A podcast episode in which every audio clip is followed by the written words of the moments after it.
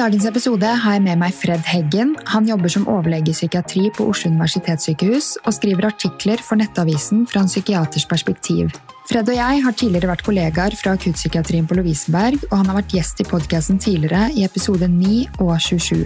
I tillegg til å bli bedre kjent med Fred og ha psykiatrien som arbeidsplass, prater vi om mye forskjellig som påvirker vår psykiske helse, for dette temaet blir aldri ferdig snakka om, men jeg tenker at å belyse det igjen og igjen er viktig, fordi vi lever i en verden som stadig er i kriser, mange lever med sår fra barndommen, andre opplever sykdom eller mister noen, og andre havner i ulike former for livskriser opplevelser. Større eller mindre ting er med på å påvirke hvordan vi har det, og er det noe av det jeg syns er tøft med å ha blitt voksen, så er det å innse på ekte at livet er, eller fort kan bli, veldig sårbart, og vi vet ikke hva som vil skje rundt neste sving. For min del har det vært avgjørende å få et bevisst forhold til nyheter, men særlig sosiale medier, som jeg har ett år pause fra, gå ned i stilling på jobben og praktisere mer egenomsorg, planlegge aktiviteter og reiser for å glede meg til noe som kommer, og leve i nuet og være til stede i øyeblikkene uten å leve i fortiden. Å ha to små barn minner meg også på at livet er her og nå, og jeg elsker å ha fokus på min lille flokk.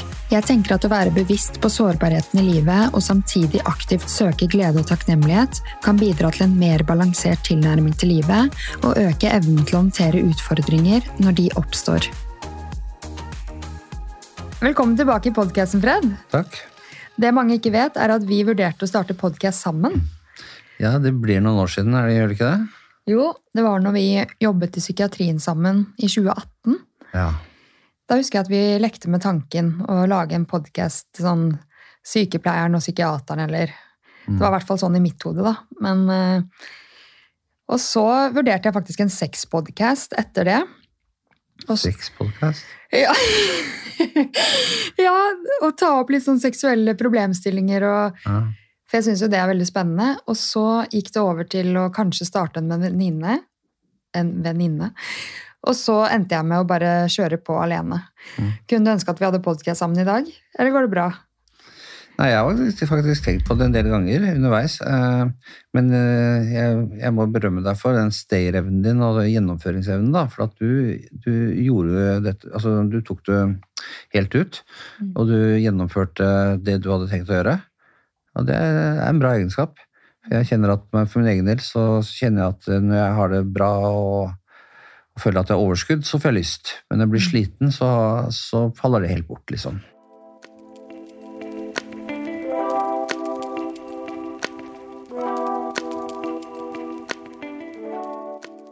Jeg sluttet jo på Lovisenberg i 2018 også, Mm. etter ti år. Ja. Før jeg begynte på Gaustad. da. Mm. Mm. Det ble for tøft når jeg ga meg. Jeg tenkte at hvis ikke Tine er så da gidder ikke jeg heller. Og det var veldig hyggelige tider. Men uh, nå er det jo tredje episoden du gjester.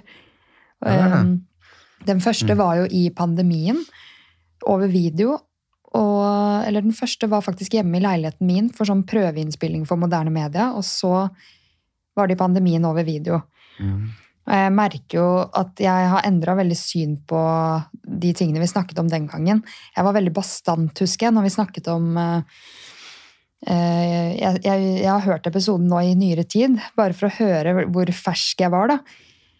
Eh, og jeg var jo sant, nybakt mamma, babyen var to-tre måneder, og vi snakket om hvordan pandemien påvirker vår psykiske helse.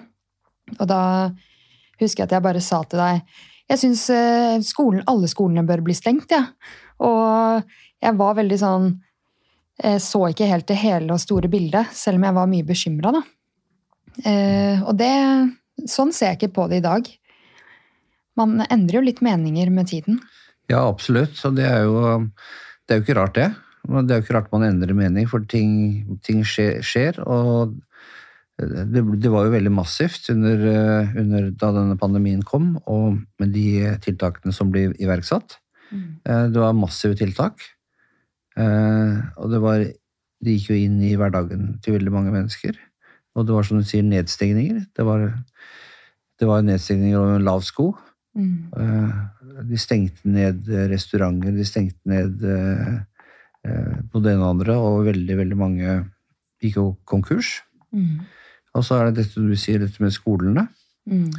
Det er, eh, tenker jeg, er helt uh, forferdelig å tenke på i dag. Ja. Det må jeg bare si. Jeg er helt enig, og jeg kan føle meg litt dum over at jeg kom med litt sånn raske kommentarer, men det var så nytt for oss. ikke sant? Jeg hadde ikke rukket å reflektere. Jeg husker bare at jeg var veldig emosjonell hver gang nyhetskanalen rulla og gikk, og jeg tenkte på alle barna som ikke hadde det bra i sine hjem. og Mm. Men det økonomiske du tok opp i den podkasten, sånn, du fronta på en måte egentlig en annen mening enn meg, men det innså jeg ikke den gangen. Nei, men jeg skal også samtidig si at jeg, jeg hadde forståelse for at det var nødvendig å begrense smittetrykket rundt omkring, så jeg hadde forståelse for at man hadde restriksjoner. Mm. Eh, Men det jeg var motstander av, var den der fullstendige nedstengningen, Mm. som rammet så veldig mange mennesker. Som kanskje basert hele sin fremtid på en bedrift Mm. som de ikke får til å gå fordi de får ikke lov. De får ikke lov til å ha mennesker, de får ikke lov til å drive den. Og da tenker jeg, man kunne vel gjort det på en annen måte. Mm. Det var mitt uh, hovedpunkt den gangen. Mm. Og, men i dag så tenker jeg at det er uh, eh, vi, Jeg skulle ønske vi kunne lære av det, Mm. men dessverre så syns jeg det er veldig lite debatt om, eh, om hva, vi hva vi kunne gjort annerledes. Mm. Hva var det som virket?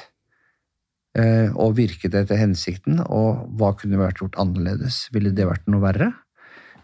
Som den, den, den diskusjonen syns jeg er helt fraværende. Mm. Og, det, og jeg vet jo at det er så mange mennesker som fikk seg en psykisk smell ved at de måtte ha hjemmekontor, og at de ikke kunne gå på skole. Jeg vet om mennesker som har slutta med utdannelsen sin, for de orket ikke å sitte hjemme på hybelen sin hun skulle lese, og, og ikke treffe eh, studievenninner, kamerater. Det er ganske mange, og, og, men ingen snakker om dem. Det er uh... Hvilke senvirkninger ser vi av korona, da? Du, vi, vi snakket jo litt om hva vi trodde kom til å skje, men har du sett litt uh, nå i psykiatrien noe ettervirkninger av korona? Eller i samfunnet generelt? I min vanlige jobb så kan jeg ikke si at jeg, at jeg at, måte møter mennesker som da har vært liksom rammet veldig av det, men, men eh, ellers så møter jeg mennesker som, som, som kan- kan fortelle, og det er eh, eh, Og det går jo på, på at man at man mister da det, det stimulus Det er jo et stimulus det å kunne, kunne komme ut og møte mennesker, kunne fungere i et samfunn, fungere på en arbeidsplass. Det, det er som veldig mye av personlighetene baserer seg på at dette, dette er der, og så blir det plutselig tatt bort. Og øh, jeg tror det varierer veldig med hva slags problemer folk har, men at folk kan slite med dårlig, dårlig selvtillit, lav selvfølelse, at man kanskje blir usikker, kanskje man ikke våger helt å tro på ting lenger, øh, at ting skal vare. At man, kan, at man våger å planlegge fremover. Det er på en måte det er mange ting. Og så tror jeg det er en del som har fått rusproblemer Ja. som følge av, eh, av disse nedstigningene. Det har heller ikke vært noe, sett noe, noen, noen diskusjon om ja, at, man, at man eh, stiller det spørsmålet. Men det er klart, når man blir sittende hjemme i mange måneder, og øh, så kan det være lett at man f.eks. drikker mer alkohol på kveldene. Ja, absolutt. Nei, rus er et eget tema i seg selv. Det, det er så Mm. mye rus for tiden. Mm. Herregud, ser du mye av det i psykiatrien for tiden, eller? Ja, og det blir mer og mer. Mm. Det blir dessverre Det er eh, Det begynner å bli et så stort problem at eh, jeg vet ikke hvordan det skal ende, dette. Fordi, fordi det er rus nesten hos alle. Og, og det kan være mye rus, og det kan være nesten bli hovedproblemet.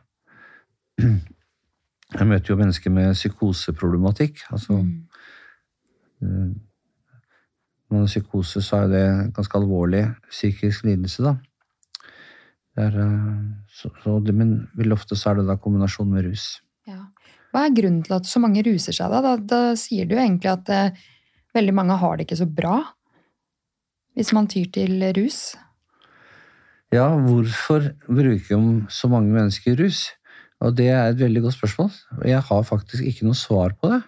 Fordi at det, kanskje for det første så er jeg såpass gammel at jeg ikke henger med på en, de nye rusmidlene som kommer. Mm. Men, eh, men eh, det er klart, det å ruse seg er jo på en måte Rus gir jo en dopamineffekt. Mm. Man får frigjøring av dopamin i hjernen, og det er en belønning, og det kan gi lykke. Mm. Og det er klart, hvis man mye, har behov for å ruse seg mye, så er det vel fordi man også har behov for å få denne belønningen. Eller kjenne på denne lykkefølelsen. Men jeg hører også da om eldre mennesker som har, sitter i gode stillinger av familie og kanskje er besteforeldre, som også bruker kokain. Mm. Som bruker MDMA eh, når de er på hytteturer og, og, og drikker masse alkohol. Så tenker jeg, hallo, er vi kommet så langt? Er det på en måte jeg tenker meg, Når du ser Exit, så tenker du ja, ja, det er Exit. De Mm. gutta i Exit. Mm. Men liksom dette er mer vanlige folk, som kanskje har foreldre og besteforeldre og Ja, ja. drar på hyttetur med venner og, og bruker kokain. Mm. Jeg tror jo at rus er en form for uh, å mestre hverdagen og livet. Og dette med sosiale medier og at vi blir eksponert for nyheter hele tiden. Vi mister kontrollen og føler kanskje en form for avmakt. Jeg vet ikke. Eh, mens hvis vi opplever jobbstress, eksempel, så kan vi legge opp arbeidshverdagen sånn at vi eh, mestrer arbeidshverdagen bedre. Man har muligheten til å ta valg.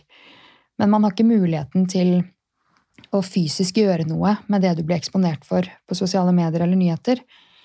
Og da, da mister vi liksom den mestringsfølelsen. Eh, Jeg tror det går utover vår psykiske helse. At vi, vi mister håpet om at det går an å gjøre noe. Hva tror du om det? Ja, jeg er helt enig. Jeg, har ofte tenkt på det. Hva, hvorfor, hvorfor, kjører, hvorfor kjører media Jeg må si det sånn. Hvorfor kjører media på med dette Altså dette med hvordan denne frykt Hvorfor skaper media sånn, en sånn type fryktkultur? Fordi at det er greit nok at det er alvorlige ting i verden, og det er alvorlige utfordringer vi står overfor. Men hvorfor skal man på en måte Hvorfor skapes inntrykk av at vi står foran undergangen? Mm. Og da kan jeg godt forstå at unge mennesker i dag ser, kanskje ikke ser noe vits i å skulle begynne å planlegge 20 år fremover, fremover i tid. For jorda går jo under snart. Ja, det er jo sånn det fremstilles. Det fremstilles sånn. Blir det fint vær? Er det, er det en, sol, en fin sommerdag, Mm. så skal du ha dårlig samvittighet. For at nå koker kloden. Ja. Og er du så dum å kaste deg ut i sjøen, så står det i svære overskrifter 'kjøttetende bakterier i Oslofjorden'. ikke sant? Så du skal komme deg opp igjen med en gang. Skal, Ja. altså, hva, hva er det for noe? Og det samme var jo med, var jo med under pandemien. Mm. Det var en veldig ensretting der også. Ja. Frykt, frykt, katastrofe. Mm. Tenk, Ja. på, tenk på de pressekonferansene som, som regjeringen og, de, og Helsedirektoratet hadde, hadde hver, hver dag, hadde de ikke det? Jo. På TV. Jeg skulle tro at det var svartedauden ganger ti. Ja. ikke sant? Det er jo lett å se på det sånn nå i ettertid, men det skapte mye frykt, ja. Og for Man er jo i ulike livssituasjoner dette her oppsto. For meg som var nybakt mamma, og verden var overveldende nok som den på en måte var. Jeg, jeg gråt jo hver gang nyhetskanalen sto på, og jeg burde jo egentlig ikke sett på nyheter sett i ettertid, men eh, jeg mistet liksom troen litt på fremtiden, og det var mye tøffere enn jeg trodde. Og jeg husker jeg tenkte sånn, har jeg fått et barn inn i denne verden her? Ja. Så, sånne tanker kunne jeg få. Ja. Det får være en trøst da, at eh, det er veldig mange opp gjennom århundrene som har tenkt det samme. Ja, Skal jeg føde et barn i denne verden hvor det bare er krig og elendighet? Det hele tiden så er det noe som skal minne oss på at det er en katastrofe som Mm. venter. ja, Og den er der, og den er der Den, den kan komme i det neste sekund. jeg vet det. Mm. Ikke sant? Spiser du noe gal mat, så er du faktisk med på å ødelegge den kloden. Men hva gjør dette her med oss, liksom? Eh, Mister vi håpet for fremtiden? Ja, hvorfor skal vi ha noe håp om fremtiden Mm. når vi får høre at det går til helvete? Mm. Og det er jo Så jeg tenker liksom, jeg skjønner, Det er greit nok at la oss si at det er da en klimakrise, og, og at, man gjøre, at man mener at menneskene kan gjøre noe med den. Ok, Det er greit. Men kan vi ikke ta det litt med ro, da? Mm. Vi får jo ikke gjort noe mer uansett. Det vil jo ta tid å, å omdanne industri og, industri, og energialternativer. eh. Altså, alt dette vil ta tid. Mm. Hvorfor, skal vi, hvorfor er det viktig å vise værmeldingene med med røde og, og gule farger på sommeren. Det, det, var jo varmt i Spania da jeg vokste opp. Det var jo det. Det var jo varmt som bare rakkeren. Det, men, men, i dag så er det, er det, krise. Ja, det er kriser hele tiden ja. som vi må forholde oss til. Og jeg tror bare at uh, man må ta et valg selv, da, med uh, å ikke la teknologien ta overhånd over livene våre, men at vi kontrollerer teknologien ved å være mindre på sosiale medier, uh, sjekke nettavisen mindre. Og ikke klikke seg inn på saker som bare skaper uro. Ja, ja. Man må nesten ta kontroll over det selv, tenker jeg. Fordi mediebildet kommer alltid til å være der. Jeg tror ikke de kommer til å endre måten de legger fram eh, Måten de kan skremme med store titler og mm. Jeg tror ikke det. Nei, øh, nei altså jeg, jeg, tror det. Jeg tror at de kunne ha endret på det. De kunne ha endret på måten de fremstilte på. Jeg tror, For at det er så likt jeg tror de kunne gjort det, men, men, når det er sagt, så tror jeg at uh, Jeg må innrømme for, jeg, for min egen del så har jeg Da jeg vokste opp på ungdom, så var det var veldig frykt for atomkrig. Mm. Da skulle det bli en atomkrig, så går jorden under. altså det, på en måte De som overlever, de vil misunne de som dør, ble det sagt. ikke sant? Og, og det tror jeg nok sitter i meg, da. Jeg mener personlig at media, så det jeg kaller for mainstream media, mm de har et ansvar for å formidle et visst håp. Ja, det var godt sagt, egentlig. Mm. Og måten vi møter mediebilder på, eller uh, vanskelige tider, uh, er jo veldig individuelt. Og vi er jo født med ulike sårbarheter. Men hva er det som er årsaken til at uh, noen kommer seg gjennom livet uten særlig psykiske plager, mens andre er mer sårbare for å få psykiske plager? Ja. Nei, det er, eh, det er, et veldig godt spørsmål, fordi at uh, vi er forskjellige, vi mennesker. Og det er, det er bare sånn det er. Og, og, vi har forskjellige sårbarhetsområder. Mm. Uh, og for det første, vi, vi, vi, er vel ganske like. Kanskje vi kommer til verden, og vi, vi har med oss arven vår. Genetiske arven. Og så har vi de omsorgspersonene vi har. Mm. Og så formes vi opp som individer, og så Så er det mye som kan gå galt da, underveis. Mm. Uh, Hos noen går jo dette til psykiske lidelser. Kan du bare forklare forskjellen på psykiske plager og psykiske lidelser? Psykiske plager, det, det er jo på en måte Det tenker jeg jeg på som en, en lettere variant. Altså at psykiske plager kan utvikle seg til å bli en psykisk lidelse.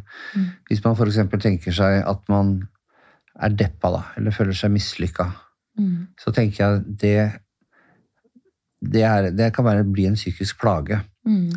Men det behøver ikke bety at man går inn i en depresjon. Nei. Eller hvis man er deppa, man er nedstemt, så betyr ikke det at man har depresjon. Mm. Nødvendigvis. Det kan godt bli det, men det er eh, så jeg tenker på når symptomene på en måte begynner å bli markante, eh, de begynner å prege personen, og de på en måte har en viss sånn konsistens, at de, vedvarer og holder seg, så kan man begynne å snakke om at det begynner å gå over til å bli en, en, en sykdom. Mm. Og én av fem vil jo oppleve en depresjon i løpet av livet. Eh, hvorfor tror du at noen slipper unna depresjon, mens eh, mange er mer sårbare for å utvikle depresjon. Ja, det blir litt det samme. Nå, nå, nå, man, nå, tenker man altså på sånn biopsykososial modell, da. Man bruker det, altså biologi, dette hvordan man er uh, utrustet, sånn veldig mye arv. Og så er det jo det, hvordan det psykiske er, og så er det det sosiale, hvordan du har det sosialt. Mm. Hvordan er livet ditt ellers. Og disse, det er innenfor dette feltet man kan på en måte finne eh, årsaker da, til at noen utvikler depresjon. Mm. Eh, så det kan være så, være så, mangt, og det kan være flere faktorer. Mm.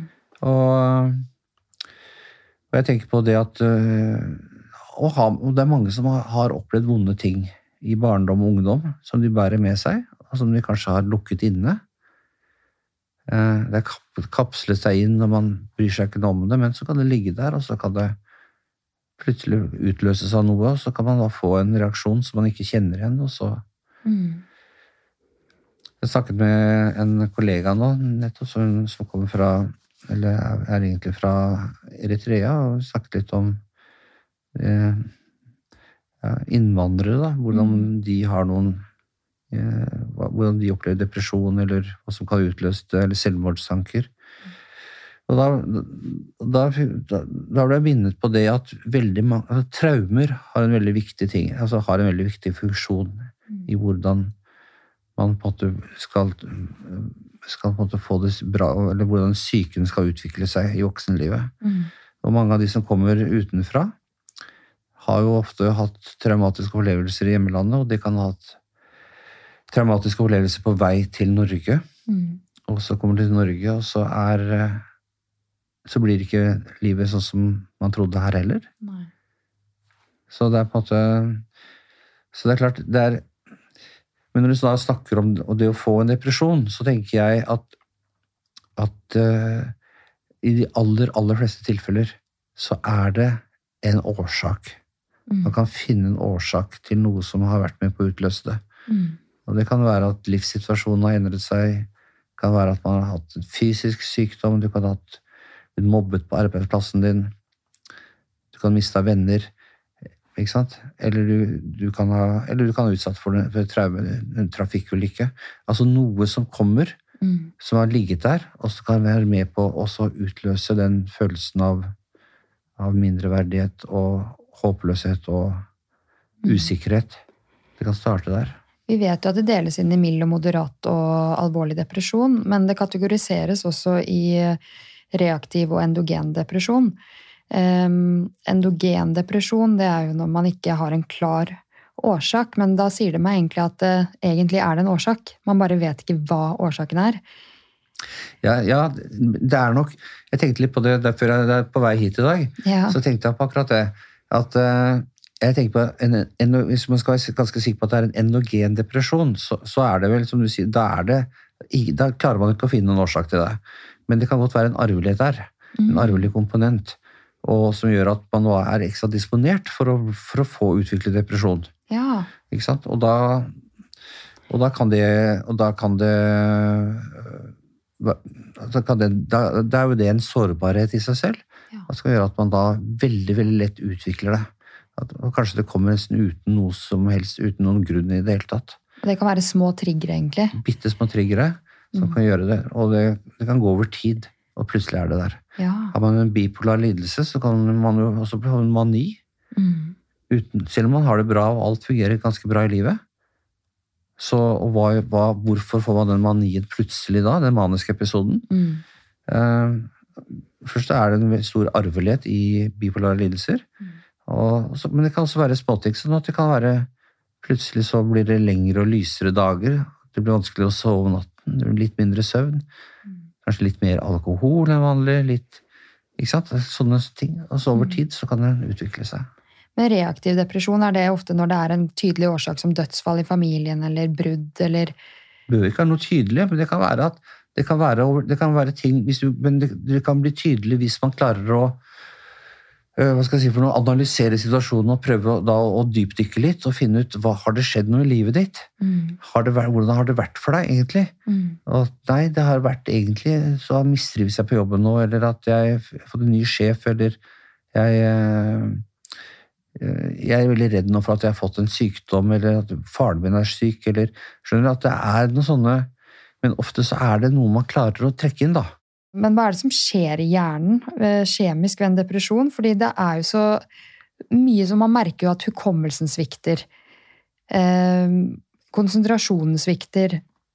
Nedstemtheten bare er der når du våkner om morgenen. Altså, hva er det som gjør liksom at det, alt dette her eh, svikter? Og ja. Nei, altså Man mener jo at det blir en, eh, det blir en kjemisk ubalanse.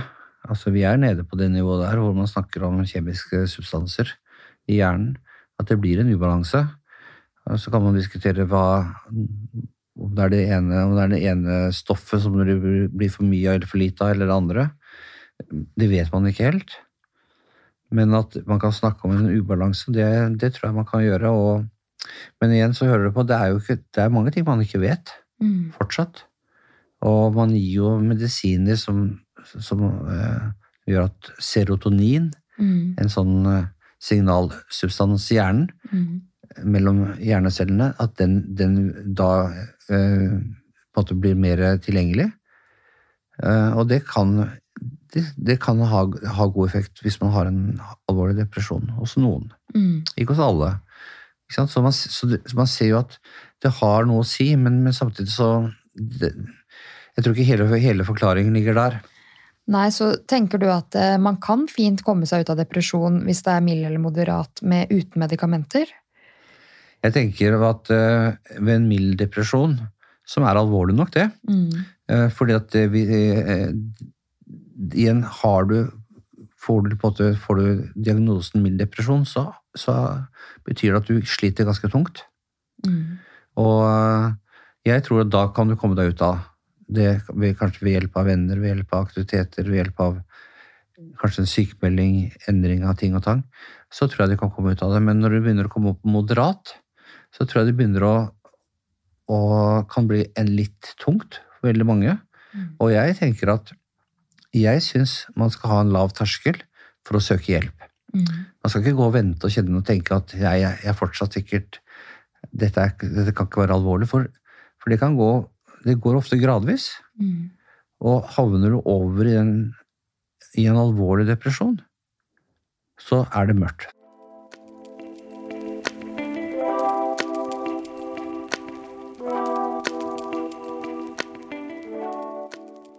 Du gikk jo selv fire år i terapi. Ja. Var det kognitiv atferdsterapi? Det var det vi kaller for psykodynamisk eh, terapi, som er mer eh, du Det, altså det handler om å, å Hva skal jeg si for noe? Mer å ta tak i, i ubevisste prosesser. Ja. Ikke sant? Altså hva Hvorfor, hvorfor er du som, som du er i dag? Mm. Hvorfor fortsetter du å gjøre de samme feilene, ja. eh, selv om du er klar over det? Eh, hvorfor eh, går du inn i nye, dårlige forhold? Hvorfor klarer du ikke å endre på det? Altså, eh, hvorfor er du redd for det? Hvorfor gjør du ditt? Altså, gjennom det samtaler om disse tingene, Mm. i her og nå, så prøver man å koble, eller vil det ofte kobles da til ting som har skjedd tidligere i livet ditt. Og du kan finne forklaringer, og, og da, da snakker om det ubevisste, fordi at veldig mye av dette har man, har man fortrengt ned det ubevisste. Man tenker ikke på det, Mm. og, og vil ikke tenke på det, og, der, og da klarer man å fungere på et vis. Mm. Men, eh, men ofte ligger det der da, og ulmer. Og, Det vil dukke opp, mest sannsynlig en eller annen gang. mm. Men jeg husker du også sa i den ene episoden min at du angrer på at ikke du gjorde det mye, mye tidligere. ja. Eh, Fikk du god opplevelse av å gjøre det, og tenker du at eh, det er nyttig og verdifullt eh, at Vil de fleste ha nytte av å gå i terapi? Ja, vil jeg absolutt si. Og det er, og det er helt rett. Jeg, jeg angrer enda mer i dag på at ikke dette skjedde før. Jeg har tenkt mange ganger begynner jeg å bli så gammel. da. Jeg tenker. Tenk om jeg hadde begynt å tatt tak i dette her mye tidligere. Mm. Hvordan kunne livet mitt vært da, liksom? Mm. Eh, og så, eh, men det er klart, det, det er ikke noen, det er ikke noen quick fix. Det er ikke sånn at du kommer inn, og så skal terapeuten ordne det. Du må, du må snakke, og du må, du må kjenne på at du ikke har tid, du må snakke om ting du ikke har lyst til å snakke om. Og, og så må, må du trene. Så jeg kanskje sier sånn, man må trene mellom terapiene. Mm. Hvis det er ting man har problemer med, så må man forsøke å gjøre noe med det underveis. Mm. Og så må man gå tilbake til terapeuten, og så, eller bør da, gå tilbake og si at jeg opplevde det og det. Og, altså det, er mange, det er litt fram og litt tilbake. Mm. Men, eh, men jeg, for min del så var det Det var en fantastisk, fantastisk reise, vil jeg si. Eller det var en vond reise også. Mm. Eh, Men, eh, men samtidig så tenker jeg at det, det var et veldig heldig, heldig for meg at jeg gjorde det. Mm. Bruker du noe terapi eh, i dag, med tanke på Du har jo eh, jobbet i psykiatrien i mange, mange år nå. Nå har du nettopp bytta jobb, men eh, Eller for et halvt år siden. Eh, hva er det du gjør for å ikke på en måte bli utbrent eh, med å jobbe med det du gjør, eller bli omsorgstrett, da? Ja, det kan du si at det er Jeg syns at psykiatri er et utrolig spennende fag. Mm. fagfelt. Og jeg sier at jeg, har, eh, jeg, har, jeg er så glad for at jeg gikk fra Jeg var fastlege i et eh, tidligere liv. Mm. Og så for eh, 20 år siden så gikk jeg over til psykiatri. Mm. Og det, det har vært en utrolig berikelse for meg. Og jeg syns det er så spennende og morsomt at jeg, jeg føler at jeg Jeg er ikke redd for at jeg skal brennes ut eller noe sånt. Jeg er ikke det. Så, men det, det kan likevel være lurt å skifte litt beite av og til. Ja. Med litt forskjellige pasienttyper, kategorier. Så, men det som, gjør at, det som gjør at jeg syns det er gøy selv å jobbe da med hva skal jeg kalle det for, da med mennesker med alvorlige psykiske lidelser og kanskje rusproblemer og kriminalitet og sånne ting også, det er at det hjelper. Mm. Altså Det vi gjør, det hjelper, og det, det ser vi hver eneste dag. Mm. Nesten uansett hvor dårlige folk er, så blir det mye bedre. Ja. Og det er det som gjør at man får se den forandringen. Mm. Og det, det tror jeg, Da føler man at man gjør noe meningsfullt. Mm. Og det er en, noe man kan ta med seg og leve på. Men du har jo hatt veldig sånn stort ansvar i de stillingene du har hatt. Er ikke det litt skremmende noen ganger? Føler du ikke noen ganger at du har andres liv i dine hender, omtrent? Jeg føler jo at eh, jo, det er klart man har, står ansvarlig. Man er overlege, så, så har man et faglig ansvar. Men jeg føler likevel at jeg har jobbet i team. Du og jeg jobbet jo sammen på Lovisenberg. Ja. Vi hadde jo samtalepasientene sammen. Mm. Og vi diskuterte etterpå hva, skal, hva, hva slags utgang bør vi gi, hvor mye oppfølging, hva skal vi gjøre. Så jeg føler at det har vært et, det er et teamarbeid. Mm. Og det er det jeg føler at jeg er en del av også på sykehuset. Ja. Med mange forskjellige faggrupper. Og det er jo det også som er med på å gjøre det, det er så spennende. Mm. Er, det, er det noen ganger eh, Men det er riktig som du sier, man er et team. mm, Så skulle det legges på noen, så hadde det på en måte vært eh, flere hoder å legge vurderinger på, eller Men har du vært redd for å feilvurdere noen ganger, eller har det skjedd?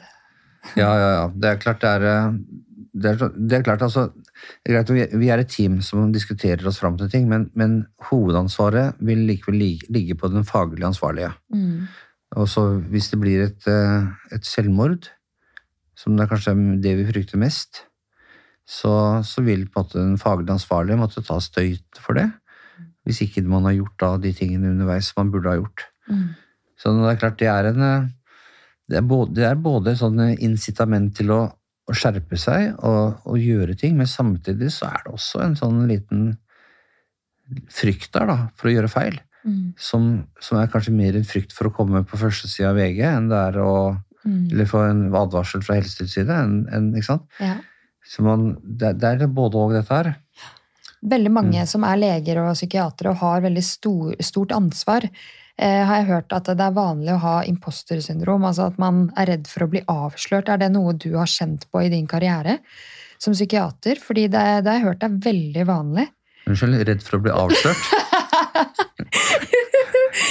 Ja, altså Jeg er redd for å bli avslørt. Altså, nå hørtes det ut som at du hadde masse å skjule. Men det er ikke det. men det er, eh, nå vil jeg snart bli oppdaget i Nå vil noen snart oppdage at jeg ikke er like dyktig som eh, Som eh, Ja. Som jeg er, eller Ja, der er jeg heldig, ganske heldig, for er, den, har jeg, den har jeg aldri tenkt. Så bra. Så det er veldig bra. Så det, der har jeg selvtillit, da, så, for å si det sånn. Men, eh, men nei, jeg tror kanskje man er Jeg vet ikke, jeg får mer en følelse av at jeg er mer redd for å altså, jeg, jeg tror vi er redd for å gjøre feil. Ja. Det er vi veldig redd for å gjøre feil, og redd for å bli tatt for å gjøre feil. Mm. Og, og så er vi redd for eh, selvfølgelig å få bli kritisert fra hvis det går gærent. da. ja. Jeg, jeg tror heller det. Sånn, sånn, men jeg, men jeg har aldri tenkt på den problemstillingen. Jeg må le. At man er redd for å bli avslørt som, som egentlig dum. Nei, men jeg tror det er noe sånn at uh, du er ikke så dyktig i jobben din som uh, ja, uh, folk vil avsløre deg. Det er noe sånt. og det har jeg bare hørt er veldig vanlig når man har sånne type jobber, da. Men det var gøy at du bare Unnskyld meg? Ja, nei, det, å vet du hva, der, der henger Akkurat det slipper jeg, da. Ja, nei, men du er jo veldig, veldig dyktig. Nei, det er ikke sikkert. det. det er du, fordi du har jo legebakgrunn. Det er jo det som er en psykiater. De er leger i bunn, og så tar de videreutdanning i psykiatri. Hva var det som gjorde at du gikk den veien? Nei, jeg, er, jeg har alltid vært interessert i psykiatri, og, og, og jeg Det er igjen Hvorfor gjorde jeg ikke det før? Det er det som er hele mitt liv. Hvorfor gjorde jeg ikke det- før, og hvorfor ikke det før? Men, men jeg gjorde det i hvert fall da i 2004, og det, det var fordi at jeg Jeg må innrømme at jeg tror jeg var ganske utbrent som fastlege. Mm. Eh, Eller jeg vet jeg var det. Og jeg hadde ikke noen glede av jobben min, egentlig.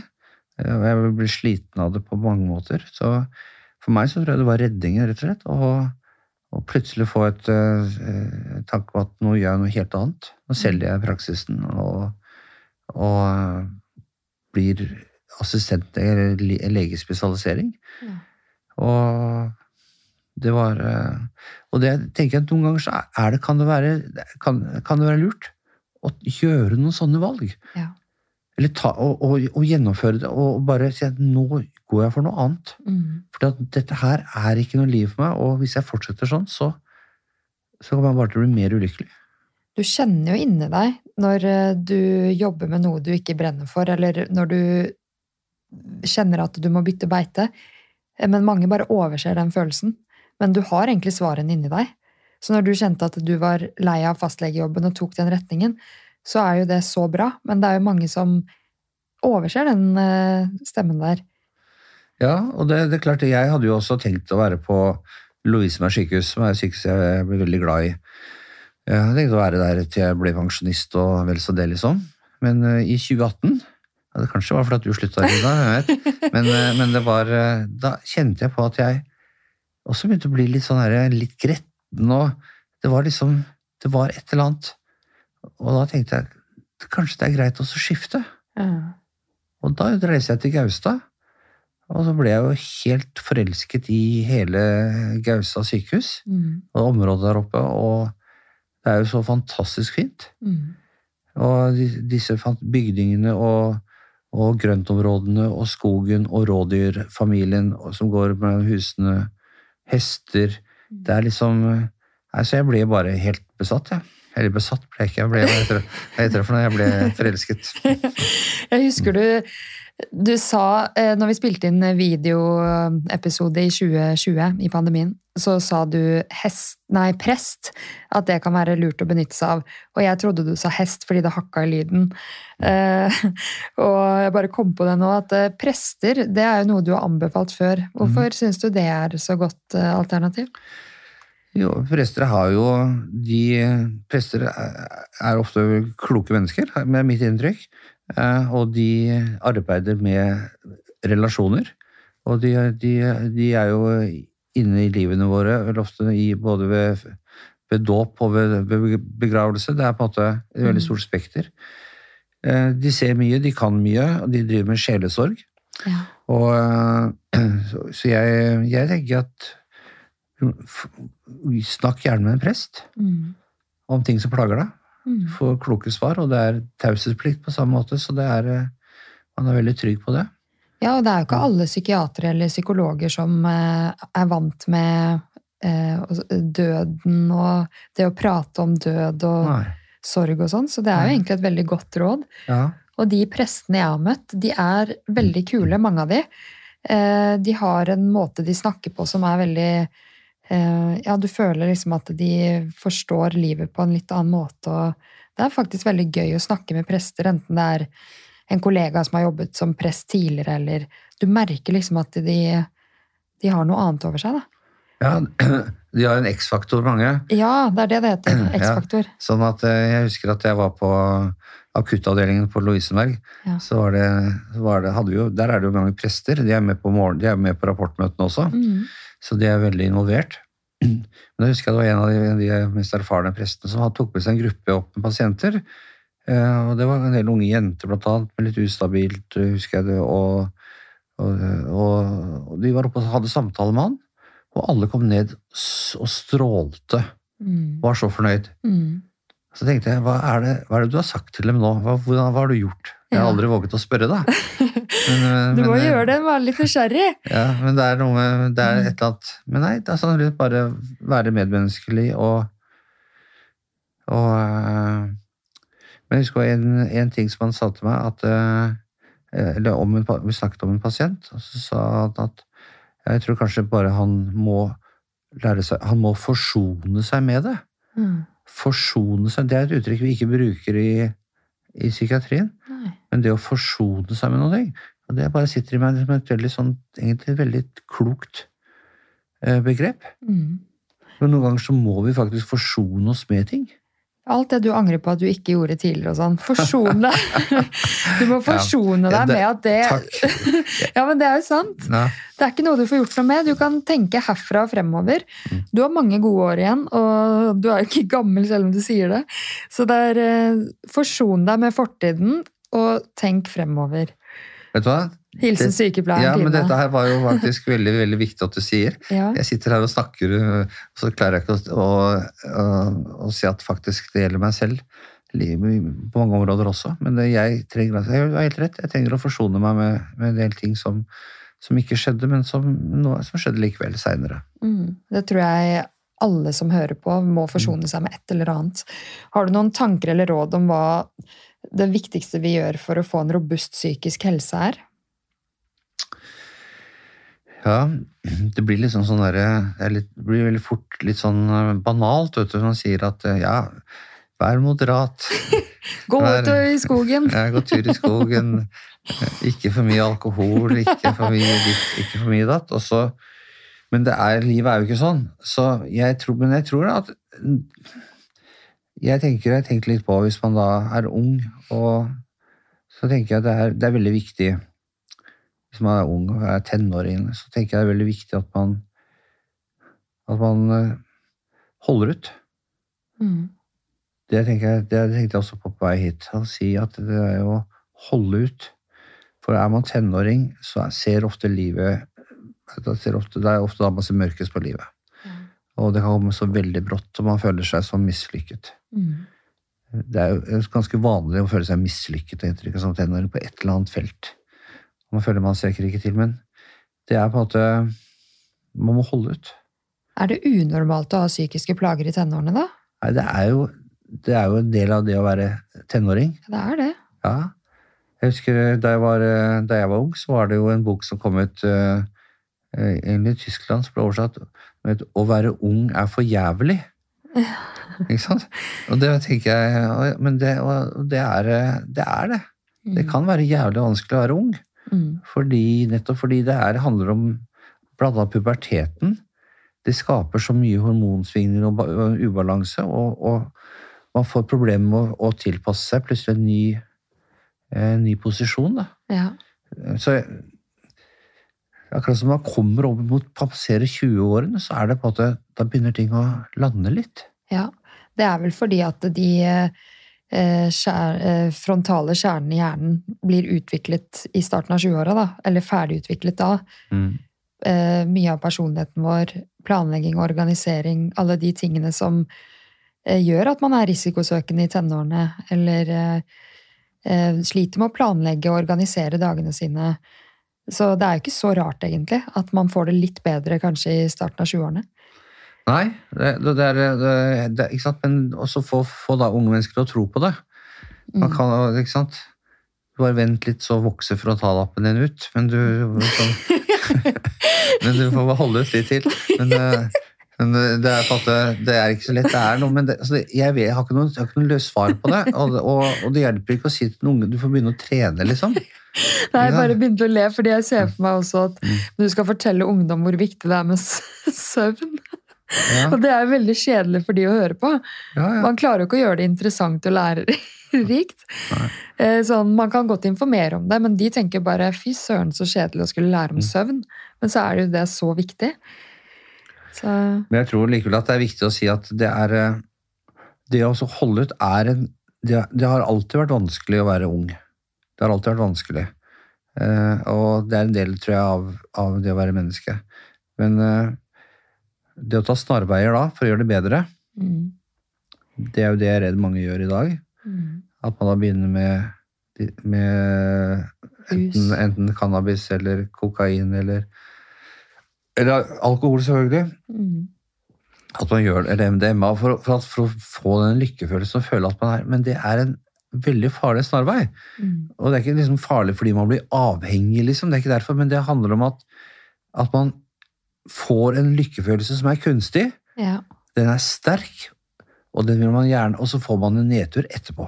Mm. Man får alltid en nedtur etterpå. ja. Og så vil det være at man vil ikke sant? Og det er en veldig farlig vei å gå. Mm. Og da ødelegger du på en måte den naturlige utviklingen da, av, av hjernefunksjonene og alt dette som skal til. Mm. Tilbake til det spørsmålet om råd, da, som du syns var litt sånn banale svar. Men jeg ser en dokumentar på Netflix nå som heter Lev til du blir 100. Og det er jo litt sånn som vi vet, at relasjoner og mat og fysisk aktivitet og sånn er viktig for et godt liv og langt liv og lykkelig eller Mm. tilfreds liv, da. Men eh, den anbefaler jeg faktisk veldig. Ja. Ehm, det er jo eh, det å faktisk bruke mer tid på de som betyr noe, og i det stressende samfunnet vi lever i nå, hvor vi skal ja, jobbe 100 og det er så mange Ja, det er prestasjonssamfunn, da. Det er prestasjonssamfunn. Det er det. Um, så hvis Mm. man klarer å prioritere det som er viktig, det er jo derfor jeg har gått ned i stilling på jobben. og liksom, Hva er det egentlig som gir meg glede? Er som, hvilke ting er det som gir meg highs? Jo, podkast. Mer tid til de jeg bryr meg om. Mm. Så det hjelper jo på.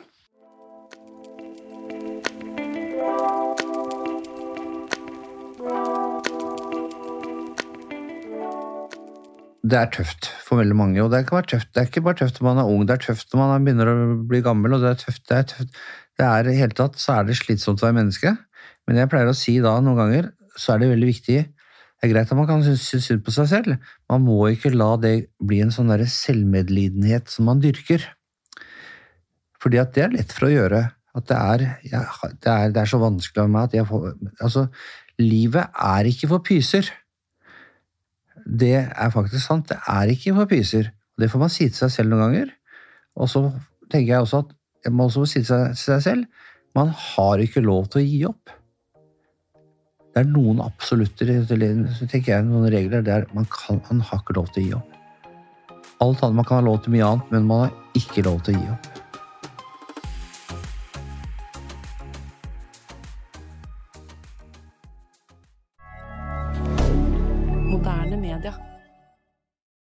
Har du et enkeltpersonforetak eller en liten bedrift? Da er du sikkert lei av å høre meg snakke om hvor enkelt det er med kvitteringer og bilag i fiken, så vi eh, gir oss her, vi. Fordi vi liker enkelt. Fiken superenkelt regnskap.